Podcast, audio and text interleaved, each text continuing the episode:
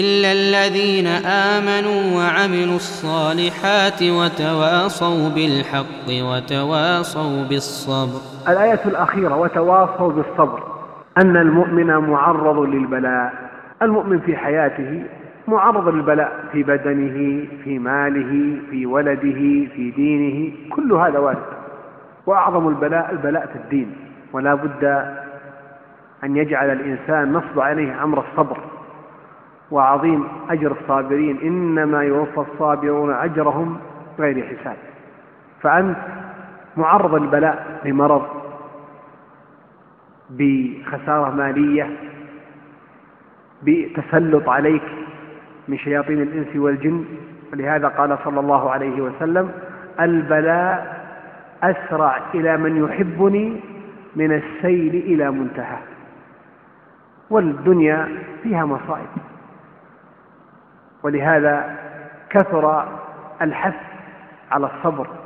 وعظيم وجاء في القرآن والسنة عظيم أجر الصبر والصابرين المحتسبين. أيضا من فوائد هذه الآية عموما أن دعوة الناس إلى الخير لها أربعة أحوال أو مرتبة على حصول أربعة أمور. الإيمان والعمل